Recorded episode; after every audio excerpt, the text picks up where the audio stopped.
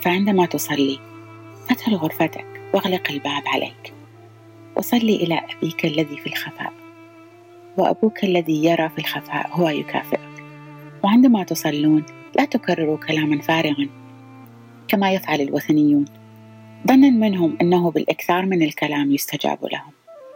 فلا تكونوا مثلهم لأن أباكم يعلم ما تحتاجون إليه قبل أن تسألوا.